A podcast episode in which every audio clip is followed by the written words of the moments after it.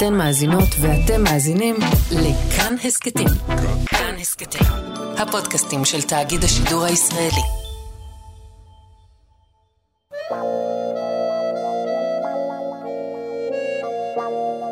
בדרך הביתה זה שיר על...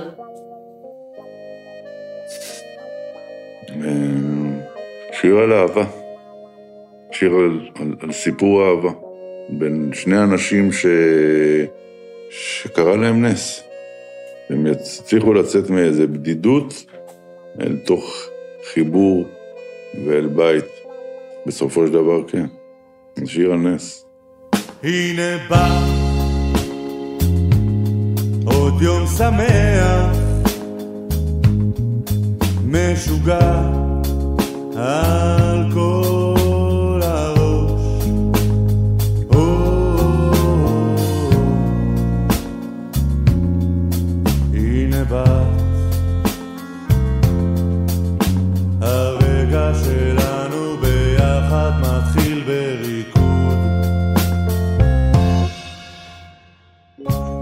היי, אתם ואתן על שיר אחד, אני מאיה קוסובר, והפעם הסיפור מאחורי שיר שנולד מתוך צורך טכני בבלדה לאלבום הראשון של השמחות. אבל לתוכו נוצקו באופן בלתי צפוי החיים עצמם. המתח שבין האהבה ליצירה, החיפוש אחר מקום שאפשר לקרוא לו בית, והמסע הארוך בדרך לשם. בדרך הביתה.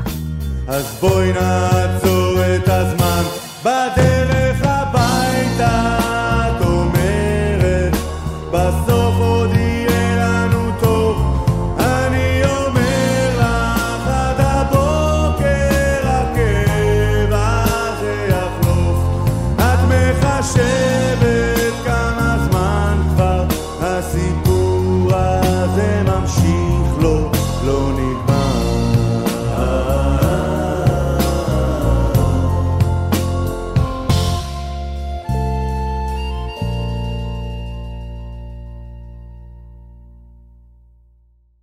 הבן אדם שיש לו הכי הרבה את המילה בית בתולדות הזמר העברי, כמובן שזה בעיה נפשית אצלי, ואין שיר שאין לי את המילה בית כמעט. זה המוזיקאי ישראל ברייט, והעיסוק שלו במילה ובמושג בית נטוע בילדות. שם הסיפור הזה מתחיל, בבית שבו הוא נולד. בית עצוב. אמא שלי ואבא שלי אה, לא הסתדרו בתקופה שבה לא להסתדר ולהתגרש. זה היה דבר אה, שלא טיפלו בו. ואני זוכר את עצמי אה, מצד אחד אה, מאוד פעיל וזה, אבל חוזר הביתה ומרגיש שאני חוזר למקום עצוב.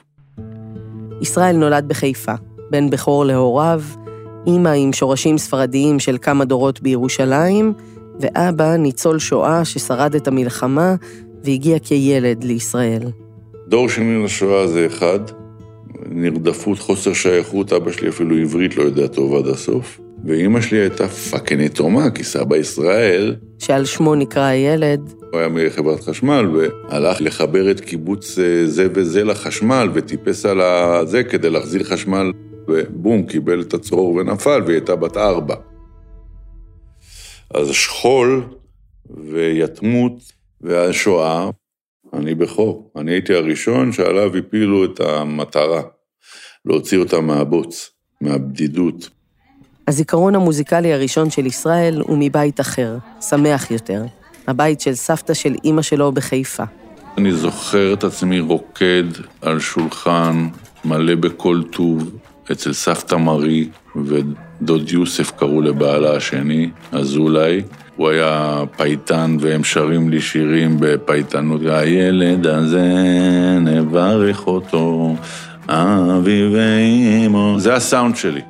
המעוול הקטן הזה, היהודי-מזרחי, הוא לא ערבי, הוא לא זה, אבל חיפאי כזה.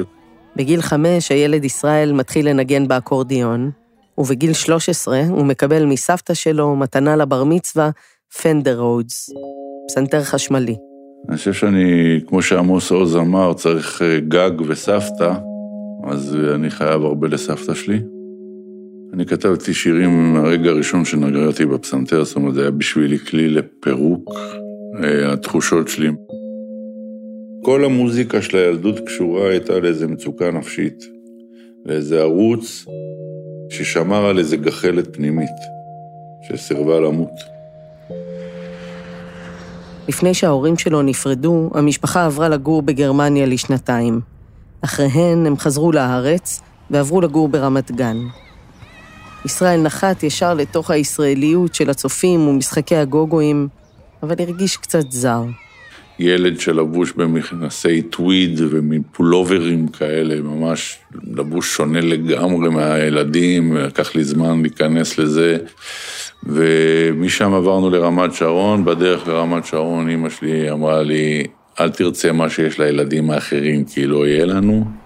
בתיכון הוא היה תלמיד שנשלח לעיתים תכופות לחדר של המנהלת, והוא היה חכם בצורה יוצאת דופן. בכיתה י' הוא כבר סיים בהצלחה את כל בחינות הבגרות. עזבתי בית ספר, עשיתי בגרות והייתי חופשי. הוא למד פסנתר אצל אילן מוכיח וחלם להיות ג'אזיסט. ובינתיים המיר את החלום בשאיפה הישראלית להגיע ללהקה צבאית. ניסיתי להתקבל לכל מיני להקות צבאיות, אבל אז רפול היה הרמטכ"ל והוא ביטל את כל העניין הזה, ואני נזרקתי והפכתי לכתב צבאי במחנה. ושמה בכלל בא לידי ביטוי כל הצד של הכתיבת מילים. ובזמן שישראל היה בצבא, ההורים שלו חיפשו מחדש את הדרך שלהם. אבא שלי הוא ניצול שואה, ואין לו מדינה ואין לו שפה, אז הוא נודד. ואז הוא הגיע ללוס אנג'לס, ואימא שלי נסעה אליו בניסיון להחיות את הקשר, ואני נשארתי חייל בודד. הם חזרו, היו בשוק מהמצב של הדירה, כי אז לא ידעתי מה זה לנקות. חדר אחד התמלא בג'יפה, הייתי עובר חדר. היה דירה של שישה חדרים, לקח זמן עד שגמרתי את כולם. אחרי שהשתחרר מהצבא, הוא ארז כמה בגדים. לקחתי מזוודה עם מכונת כתיבה בפנים במילון של אבן שושן, עליתי על אונייה ביום כיפור ונסעתי בשביל לא לחזור. נסעתי לאתונה, כי אתונה היה הכי זול. אמרתי, אני אמשיך משם. בבטן האונייה פגשתי צלם גרמני, כי רק זרים עוזבים את ארץ ישראל באונייה ביום כיפור. אמר לי, יש לי אוטו פה, אני נוסע לאיטליה. אמרתי לו, אני בא איתך. והוא נפרד ממני בצומת פירנצה, פינת מילאנו, מה שנקרא. הוא גילה את איטליה, טייל, וגם חיפש דרך להרוויח כסף במהלך הנדודים. הדבר שבאמת חיבר אותי להיות מוזיקאי, זה שזה הדבר היחידי שידעתי לעשות כדי להרוויח כסף. היה לי את הרילבוק. זה ספר של סטנדרטים, של ג'אז, או מנגינות מסרטים. אתה רשום לך באופן כללי הליין של המנגינה והאקורדים, ואתה אמור לאלתר. ומזה התפרנסתי. ובזמן שישראל ניגן בפסנתר בפיאנו ברס באיטליה, אימא שלו בארץ דאגה לעתיד של הבן שלה. אימא שלי הייתה בטוחה שאני, לא יהיה לי איפה לשים את הראש שאני אהיה גדול. והכניסה לי את. עוד יותר את החרדה הזאת של בית. אימא שלי בכלל פחדה שאני אלך לאלף כיוונים של עזאזל, אז על דעת עצמו היא רשמה אותי ללימודי פילוסופיה. אמרה, יחזור, יחזור, לא יחזור, לא יחזור. חזרתי. במקביל ללימודים, ישראל כתב שירים, הקליט אותם, ובתחילת שנות ה-90 הוציא באופן עצמאי שני אלבומי סולו. אחד נקרא "כל מה שמנגד", והשני "קוף עירוני".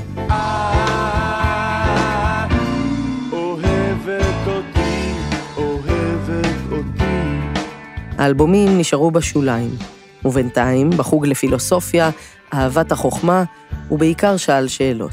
מה זה בית? מה זה רגש? מה זה אלוהים? מה זה שפה? מה זה אמת? בעיקר, הכל מתחיל ממה זה אמת. אתה מבין שאמת זה דבר מילולי בכלל, ושבמציאות היא נמצאת בין אנשים, בתוך סיטואציה, היא לא תלויה בחלל. את השאלות שהתרוצצו במחשבות ובנפש שלו, הוא כתב בשיר. אדם צריך בית משלו אז לא. איך הוא עובר את הלילות שלו? חרדות מלטפות את קירות הבית. מה זה בית? מה זה בית? המיטה, הכיסא, השולחן, החלון, העולם שמסביבו. אדם צריך מישהו לדבר איתו, איך הוא מוציא את החום שבו. הלבד והזמן מחביאים את הרגש. מה זה רגש? מה זה רגש?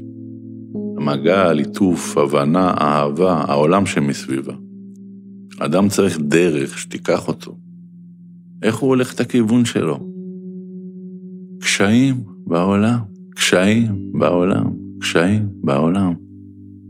שאלות כאלה שואלים ולא עונים. זה שהיה לי אומץ לענות, זה היה צעד קדימה. בגיל 28 הוא כבר אחרי שני אלבומים, מוזיקאי, פילוסוף, קצת מסטול, שיוצא עם בנות אבל לא מתמסר. הוא רואה מישהי ממלצרת בסוזן דלל, ואז רואה אותה שוב בבר בשם המדבר, וכמה שבועות אחר כך פוגש אותה במסיבת פורים. זה קורה על גג של בניין תל אביבי ברחוב אידלסון 3. הוא מסתכל עליה רוקדת. היא באמת רוקדת כמו שבר ענן.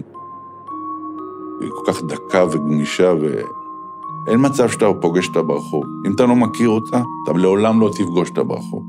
היא כל כך מהירה וזזה מהר בעולם ועסוקה וזה, שאין סיכוי לפגוש אותה. צריך לקבוע איתה. אם לא קבעת איתה, לא תראה אותה אף פעם. אז הוא ניגש אליה כדי לנסות לקבוע איתה. ואמרתי, תשמעי, אני מאוד התרשמתי ממה שאת רוקדת, אולי אני יכול לכתוב מוזיקה לריקודים שלך וזה וזה וזה. ואז אני קובע את זה אצלי בבית על הפנדר של סבתא שלי, ואז ניגנתי לה שניים, שלושה קטעים. המוזיקה כנראה שכנעה אותה לתת לו צ'אנס. נימה יעקבי הייתה אז רקדנית צעירה בת 20. היא וישראל הפכו לזוג. לא הייתי סגור בקשר הזה, זאת אומרת, היא הייתה בגעתון בלהקת המחול הקיבוצית, אז היא לא הייתה הרבה זמן, ועד שהיא כבר הייתה באה, הייתה מפריעה לי לכתוב שירים. אני הייתי כותב שירים ביום שישי בעשר בלילה. אני הייתי טוטלי לחלוטין בייעוד שלי להיות אה, בלי זוגיות ומוקדש לחלוטין לכתיבה וליצירה. הם גרו בדירה שכורה בנווה צדק, אבל ישראל היה בטוח שאת הבית האמיתי שלו הוא ימצא רק במוזיקה, והוא חיפש את השביל אליו. ישבנו ערב אחד ואמרתי, אני רוצה להקים להקה שיהיה בה את כל הטעמים של ישראל, ואני צריך דרבוקה. איפה אני אשיג דרבוקה? איפה, איפה? בוא נלך ליפו. ויצאנו ליפו, ומצאנו את סמי באיזה בית קוסקוס כזה, מנגן. סמי בדרה הצטרף והפך לנגן הדרבוקה של הלהקה המתהווה. ישראל חיפש אקורדיוניסט ומצא את ויטלי. ויטלי פודולסקי, ילד רזה עם אקורדיון. מודי ברון, זיכרונו לברכה, אדם יקר ואוהד שמחות גדול, קרא לו ג'ימי הנדריקס של האקורדיונים, ובצדק, כי זה הגישה שלו, הוא אוהב להופיע כמו גיטריסט. הוא גרם לי לוותר על המחשבה להביא גיטרה ללהקה. ישראל צירף גם את צחי הר נבו שינגן בס. צחי פשוט אדם מואר, זיכרונו לברכה. היה לנו חבר משותף שחזר בתשובה והם היו ככה לומדים גמרא ביחד, ומעשנים, היו פותחים את הספר גמרא, את הכסס הגדולה כזאת יפה בתוך הספר, פותחים את השיעור עם איזה כמה בנגים טובים ונכנסים לגמרא. הוא פשוט היה רוח חיה בלהקה, מספיק שעושה קול או קורא קריאה, בום, אתה עף למעלה.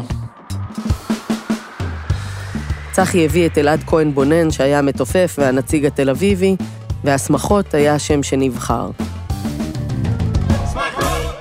השיר הראשון שהם עבדו עליו היה "אדם צריך בית". וכשישראל הלחין אותו, הוא חזר לצלילים ששמע כשהיה ילד בבית של סבתא מרי, והם התחברו לבית המוזיקלי שהוא מצא בלהקה. אדם צריך בית, מי שלא אז לא.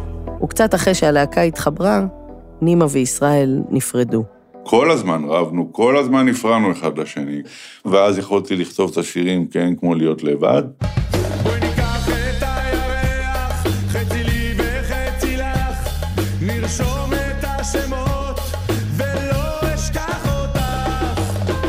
אחרי כמה חודשים הם חזרו זה לזו ועברו לגור בשכונת שפירא, בבית שהיה פעם מפעל. הם היו יחד, וכל אחד ואחת גם חיפש את השביל שלו, שלה. נימה טסה ללונדון ללמוד קוריאוגרפיה. ובינתיים, להקת השמחות הוחתמה על חוזה לאלבום ראשון בהד ארצי, ונולדו בזה אחר זה שירים חדשים. היו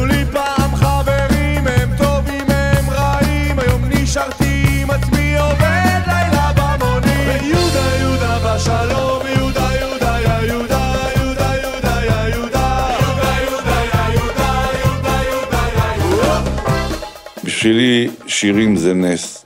אני לא אוהב לכתוב אותם, אני אוהב שהם נכתבים, אני אוהב שהם קוראים, אני אוהב שהם נוחתים עליי, אני אוהב שהם מפתיעים אותי, אני אוהב שהם מצחיקים אותי, מרגשים אותי, בגלל שלא ציפיתי להם.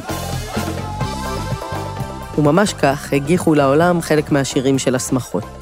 המוזיקה החביאה את הסיפור, ישראל זרק שורה, סמי ענה, ונוצרה מסיבה, חפלה.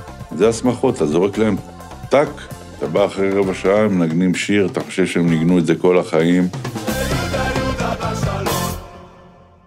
האלבום היה כמעט גמור. ישראל עבר על השירים, ואז עשיתי רשימה, אמרתי, וואו, חסר פה בלדה, חסר פה שיר רומנטי. נכון, זה לא בדיוק היה הפרמיס של הלהקה, הלהקה החליטה לשמח, שזה וואו, איזו החלטה מדהימה. ואז היה חסר בלדה. ואמרתי, אני אלך לכתוב בלדה. הוא היה בבית בשפירא, עם אחיו וחבר, התיישב ליד הפנדר מהבר מצווה, והתחיל מהקצב. אמרתי, אני אעשה שש מיניות. טה טה טה טה טה טה טה טה טה טה טי טה טה טירי טה טה רירה. מין סוג של ואלס כזה. והוא בחר סולם, הלכתי על השחורים, הלכתי אבי במול מינור, והתחלתי לנגן את השש מיניות הזה. וכך הגיעה מנגינת הפתיחה. לא מבין מאיפה המנגינה הזאת צצה, היא נשמעה לי נורא מוכרת תמיד. ואז עלה לו רעיון. אני לא חושב על הדברים האלה בדרך כלל, אבל פה כן חשבתי. לעבור לסולם מז'ורי בתחילת השיר, כדי שיהיה לי יותר כזה אור בפנים. העצב והשמחה מעורבבים, מעורבבים, וצריך לזכור את זה. ואני מתחיל לשיר שיר על השכן, מר כספי. הוא פשוט זרק את המילים הראשונות שעלו לו לראש. ערב בא, יורד על מר כספי, השכנים כבר ישנים. או... אבל היה לו ברור שהמנגינה הרומנטית לא נכתבה על השכן. ובזמן שהוא ניסה לגלות איזה סיפור מסתתר מאחורי הצלילים, הוא עלה על מטוס ללונדון כדי לבקר את נימה. היא הייתה הולכת לבית ספר, אני הייתי משוטט בשווקים. זה היה קובן גרדן, יש שם מלא חנויות כאלה של דברים עתיקים וספרים וזה. שם מצאתי, בחנות משומשים, ספר של ויליאם בלייק, ויליאם בלייק, משורר, צייר ויוצר תחריטים, יליד המאה ה-18, שהיה לא מוכר רוב חייו, והפך אחרי מותו לאומן מוערך. ישראל פתח את הספר של בלייק, דפדף, ומצא בו ציור. תמונה שנקראת Happy Day, של איש פותח את הידיים שלו ככה לצדדים אל העולם ומסביב, כאילו כל הצבעים יוצאים מהידיים שלו. הוא קנה את הספר והרגיש שהוא מצא בו את מילות הפתיחה של השיר. הנה בא עוד יום שמח כי הציור הזה קוראים לו יום שמח. היה לי כיף כזה להכניס אופטימיות ואור. המעבר הזה, כזה פותח, זה התחבר לי לתמונה הזאת. משוגע על כל הראש משוגע על כל הראש, העניין הזה של אה, המשהו העצוב שיש בשיר. כי המשוגע פה זה לא אנחנו משתוללים בקרחנה, אלא יש פה משהו אפי ודאוני, למעלה ולמטה בתוך הרגע הזה של היום השמח. שבאתי לנימה ואמרתי, אוקיי, יש פה אושר באמת, כי אחרת לא הייתי קם ונוסע, אבל זה אושר עם כאב מסוים, כי אנחנו לא מסתדרים. ישראל גילה שלציור של בלייק יש שם נוסף, The Dance of Albion. ושאר המילים של השיר נחתו עליו כעבור שנה, יחד עם מטוס שהגיע מאנגליה, ובתוכו ישבה נימה. היא חזרה מלונדון אחרי איזה שנה שלא התראינו, ובאתי לקחת אותה מהשדה תעופה. והיה שם רגע כזה כמו ריקוד, שרק שנינו כזה, כאילו, בתוך האולם קבלת נושאים. והנה בת, הרגע שלנו ביחד מתחיל בריקוד, כי היא רקדנית, ואיך שהיא הופכת אותי גם קצת לרקדן. שני השמות של הציור, יום שמח והריקוד של אלביון, התחברו ברגע הזה של הפגישה המחודשת. משחרר משחרר וחם בבטן, כי מאז ירדו גשמים, בעיקר בלונדון. עכשיו הכל בינינו, אה, כל המילים, הגעגועים, אז בואי נעצור את הזמן. זה הרגע הזה בקבלת פנים בשדה התעופה. זה כאילו ממש טייטני כזה, אתה עומד, מחובק, ומסביבך כל העולם חוזר מחו"ל, נוסע לחו"ל, מטוסים נוחתים, עפים, אתה לגמרי במונדה כזאת של עצמך, או נמצא בתוך איזה בועה כזאת, שלא משנה הזמן, לא משנה כלום, זה רגע נקי. ואז הם נכנסו לאוטו והתחילו לנסוע הביתה, ללופט בשפירא. ובתוך שמחת המפגש עלו גם כל הקשיים וסימני השאלה. אני צריך להילחם בעצמי כדי להכניס את עצמי לכיוון שבו אני בונה קשר ובכלל נכנס ל... אני פחדתי להביא ילדים, אני הייתי בטוח שאני לא אעמוד בזה, שזה יהיה גדול עליי. בדרך הביתה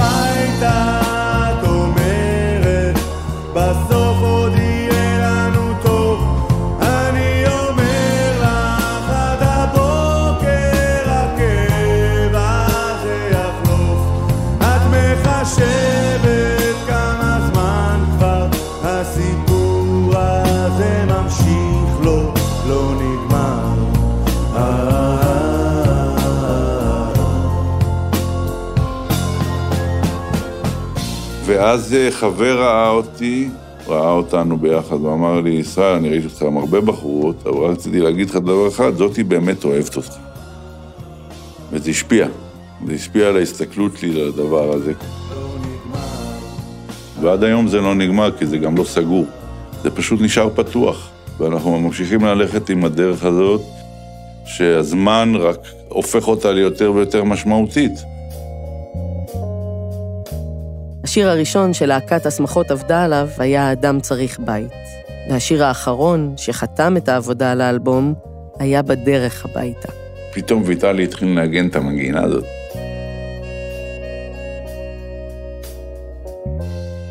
וזהו, יש רגעים שזהו, אתה יודע שזה הגיע לשם וזה, וואו, גדל ממך.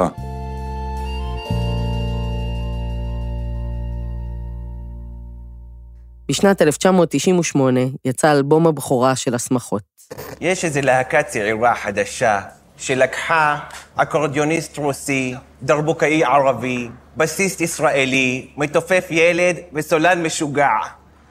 מה אפשר לקבל חוץ משמחה? בטקס נוצת הזהב מטעם אקו"ם חולקו המון פרסים וגם פרס אחד שנקרא הפתעת השנה. ומי שזכו, השמחות, יהודה יהודה היה יהודה, זה בהחלט ההמנון של השנה. ויהודה יהודה בשלום.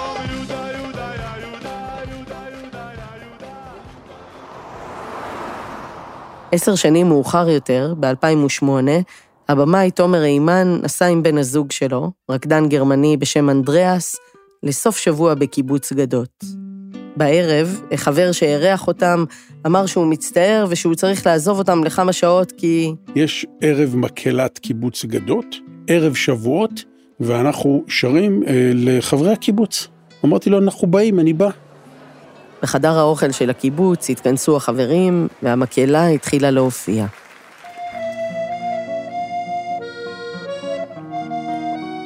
ואז מתחילה שם מפוחית, ואחרי זה אקורדיון. כבר משהו במלודיה תופס אותי, אני לא מכיר.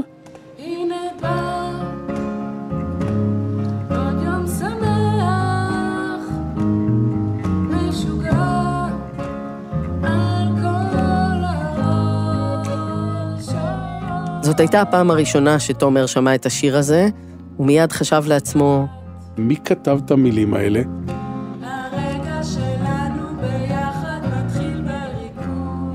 איך הוא נכנס ללב שלי, ואיך הוא מבין שכולנו בדרך הביתה.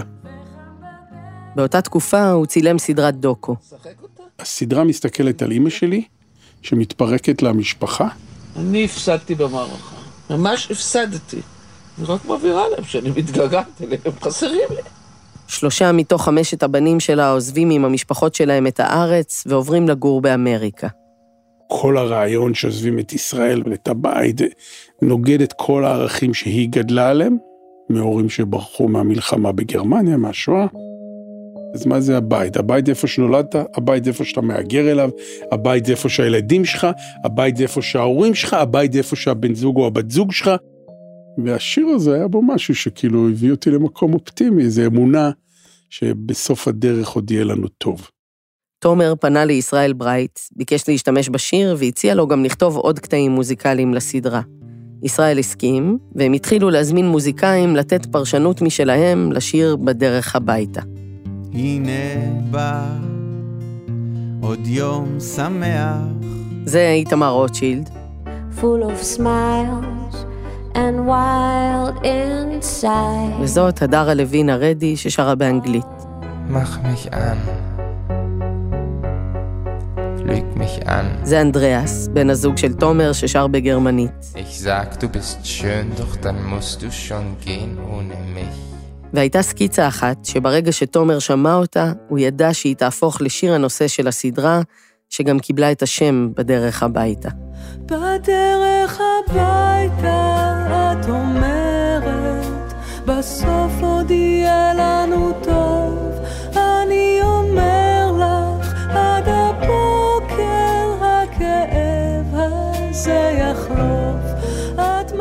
אוהב מאוד את האומנות של רונה קנן, ומשהו בקול של רונה, זה קול ייחודי בשירה ובעברית. לא, לא נגמר. הביצוע של רונה קינן לווה בקליפ ויצא כסינגל שהרדיו חיבק והשמיע. בעיניי זה גם אומר משהו נורא נורא יפה על איך רונה מביאה את הפרשנות שלה. כי מאז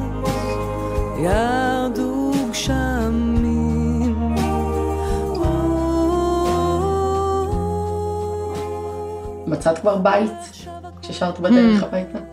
אמ, אני חושבת שזה היה יחסית בהתחלה של היחסים שלי עם שירי. הרגשתי באופן מאוד מיידי את הבית הזה איתה. תחושה שלא הייתה לי אף פעם, של מין, אני שייכת לבן אדם הזה. הדרך הביתה היא הדרך אל המקום, אל המבנה הזה, הזוגי, המשפחתי, אנחנו שלושה עכשיו. אני מניחה שיש אנשים שבית ילדותם היה כזה, שאפשר להם לשאת את הבית הזה לשנים קדימה ולהתנהל איתו בעולם באיזה ביטחון. ושלי היה גם כזה, אבל אה, את יודעת, פה ושם גם לא, ולכן אה, הבית החדש הזה הוא המקום שרציתי להיות בו. אהבה היא בית. אהבה היא בית.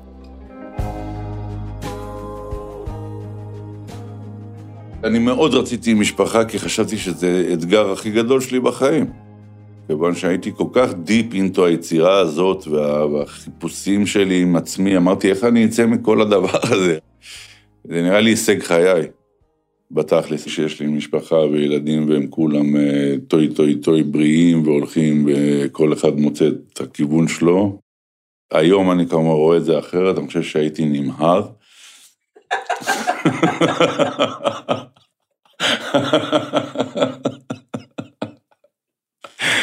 אבל זה מה שרציתי. בגלל שהיא אמרה את המילים, בסוף עוד יהיה לנו טוב, אז בסוף נהיה לנו טוב.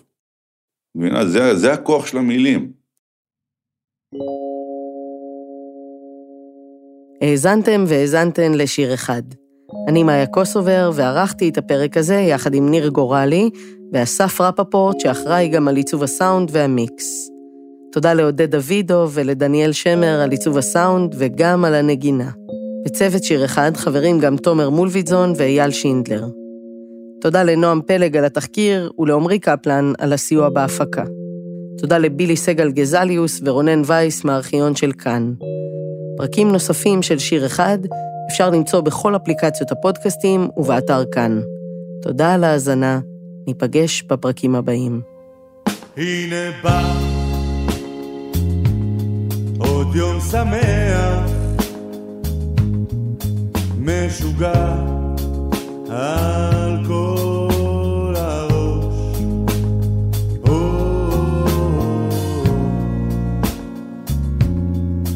הנה בא הרגע שלנו ביחד מתחיל בריקוד. משחרר